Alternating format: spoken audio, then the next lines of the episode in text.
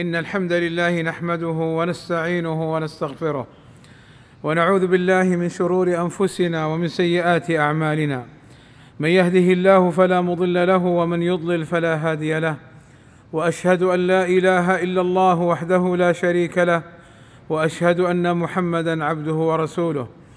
يا أيها الذين آمنوا اتقوا الله حق تقاته ولا تموتن إلا وأنتم مسلمون.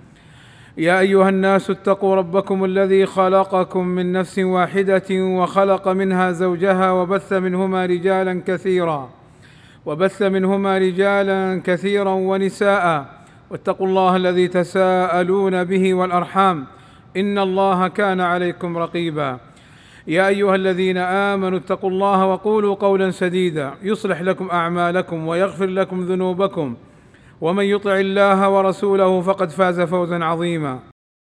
إن أصدق الكلام كلام الله وخير الهدى هدى محمد صلى الله عليه وسلم وشر الأمور محدثاتها وكل محدثة بدعة وكل بدعة ضلالة وكل ضلالة في النار. أما بعد فاتقوا الله أيها المؤمنون وراقبوه في سركم وجهركم.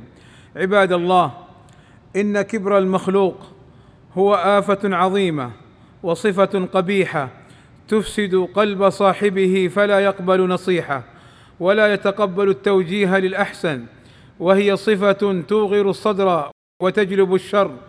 إن المتكبر ينازع الله عز وجل في بعض صفاته.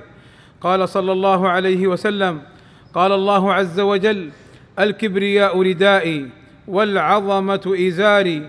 فمن نازعني واحدا منهما قذفته في النار.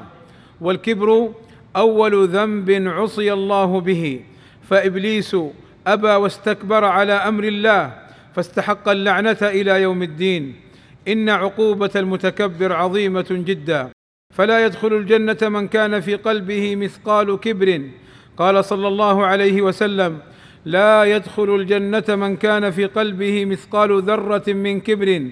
قال رجل يا رسول الله إن الرجل يحب أن يكون ثوبه حسنا ونعله حسنة. فقال صلى الله عليه وسلم إن الله جميل يحب الجمال. الكبر بطر الحق أي رد الحق وعدم قبوله وغمط الناس أي احتقارهم وتنقصهم. إذ المتكبر يرى نفسه فوق الناس والله تعالى يبغض المتكبرين قال تعالى إنه لا يحب المستكبرين فالمتكبر لا يبصر الحجة ولا ينقاد للحق ولو جاءه واضحا لا لبس فيه. أما جزاء المتكبرين في الآخرة فهم في شر حال والعياذ بالله. وعقوبة المتكبر الذل والصغار يوم القيامة. قال النبي صلى الله عليه وسلم يحشر المتكبرون يوم القيامة أمثال الذر. في صور الرجال. يغشاهم الذل من كل مكان. فيساقون إلى سجن في جهنم. يسمى بولس. تعلوهم نار الأنيار. يسقون من عصارة أهل النار. طينة الخبال. عباد الله وللكبر صور منها التكبر على الحق إذا ظهر وبان وعدم قبوله. ومن صور الكبر التكبر باللباس. قال صلى الله عليه وسلم من جر ثوبه خيلاء لم ينظر الله إليه يوم القيامة. فإسبال الثياب من الكبر.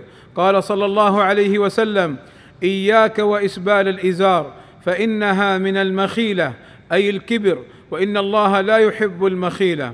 ومن صور الكبر التكبر بالأفعال مثل الإعراض عن الناس بالوجه تكبرا. قال تعالى ولا تصعر خدك للناس ولا تمشي في الأرض مرحا. إن الله لا يحب كل مختال فخور. أي لا تعرض بوجهك وتتكبر على الناس. وكذا التكبر بالمشي. كأن يمشي متبخترا مختالا معجبا بنفسه مزهوا بها. وهذا من أسباب سخط الله ومقته وغضبه. قال صلى الله عليه وسلم بينما رجل يمشي في حلة تعجبه نفسه مرجل جمته. إذ خسف الله به فهو يتجلجل إلى يوم القيامة. ومن صور الكبر التكبر بالكلام كالتفاخر وتزكية النفس والتفيهق ليظهر بلاغته وفصاحته. قال صلى الله عليه وسلم إن الله يبغض البليغ من الرجال الذي يتخلل بلسانه كما تتخلل البقرة. وسيكون يوم القيامة من أبغض الناس إلى رسول الله صلى الله عليه وسلم وأبعدهم منه مجلسا. قال صلى الله عليه وسلم إن أبغضكم إلي وأبعدكم مني مجلسا يوم القيامة الثرثارون والمتشدقون والمتفيهقون.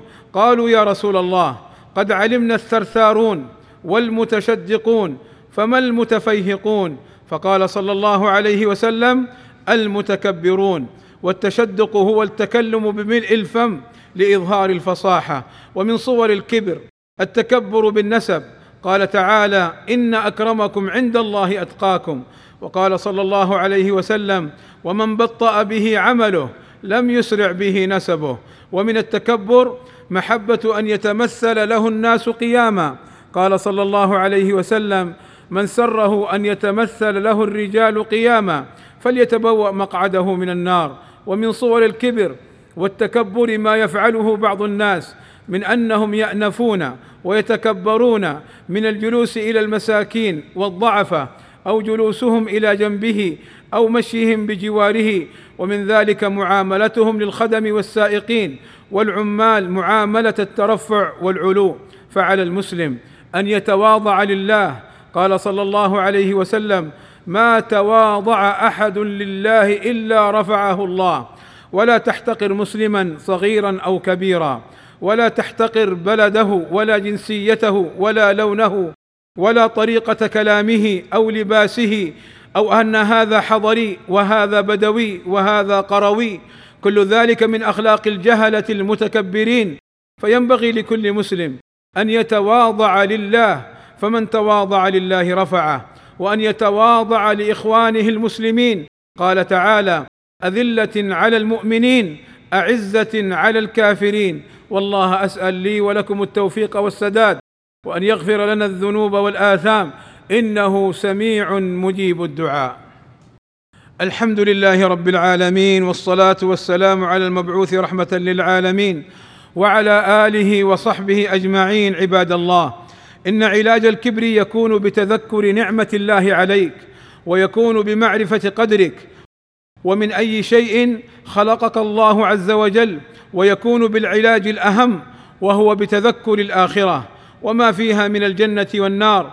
قال صلى الله عليه وسلم احتجت الجنة والنار. فقالت النار في الجبارون والمتكبرون. وقالت الجنة في ضعفاء الناس ومساكينهم فقضى الله بينهما أنك الجنة رحمتي أرحم بك من أشاء وأنك النار عذابي أعذب بك من أشاء ولكليكما علي ملؤها. ويكون علاج الكبر بالتواضع لله عز وجل. والتواضع هو انكسار القلب لله وخفض جناح الذل والرحمة بعباده. فلا يرى له على أحد فضلا ولا يرى له عند أحد حقا. بل يرى الفضل للناس عليه والحقوق لهم قبله. وكان صلى الله عليه وسلم أحلم الناس وأسخاهم وأعطفهم وكان يخصف النعل ويرقع الثوب ويكون في خدمة أهله وكان يجيب دعوة المملوك ويعود المرضى ويمشي وحده ويردف خلفه ويقبل الهدية ويكافئ عليها. عباد الله إن الله وملائكته يصلون على النبي. يا أيها الذين آمنوا صلوا عليه وسلموا تسليما. فاللهم صل على محمد وأزواجه وذريته كما صليت على آل إبراهيم. وبارك على محمد وأزواجه وذريته كما باركت على آل إبراهيم إنك حميد مجيد. وارض اللهم عن الخلفاء الراشدين أبي بكر وعمر وعثمان وعلي وعن جميع أصحاب النبي صلى الله عليه وسلم وعنا معهم بمنك وكرمك يا أكرم الأكرمين. اللهم آتنا في الدنيا حسنة وفي الآخرة حسنة وقنا عذاب النار. اللهم فرج همومنا واكشف كروبنا ويسر أمورنا. اللهم اغفر للمسلمين والمسلمات والمؤمنين والمؤمنات الأحياء منهم والأموات. اللهم وفق ولي أمرنا الملك سلمان ابن عبد العزيز وولي عهده الأمير محمد ابن سلمان لما تحبه وترضاه وأصلح بهما البلاد والعباد واحفظهما اللهم من كل سوء. اللهم أيدهما بتأييدك ووفقهما بتوفيقك وأعز بهما الإسلام والمسلمين وصلى الله وسلم على نبينا محمد وعلى آله وصحبه أجمعين والحمد لله رب العالمين.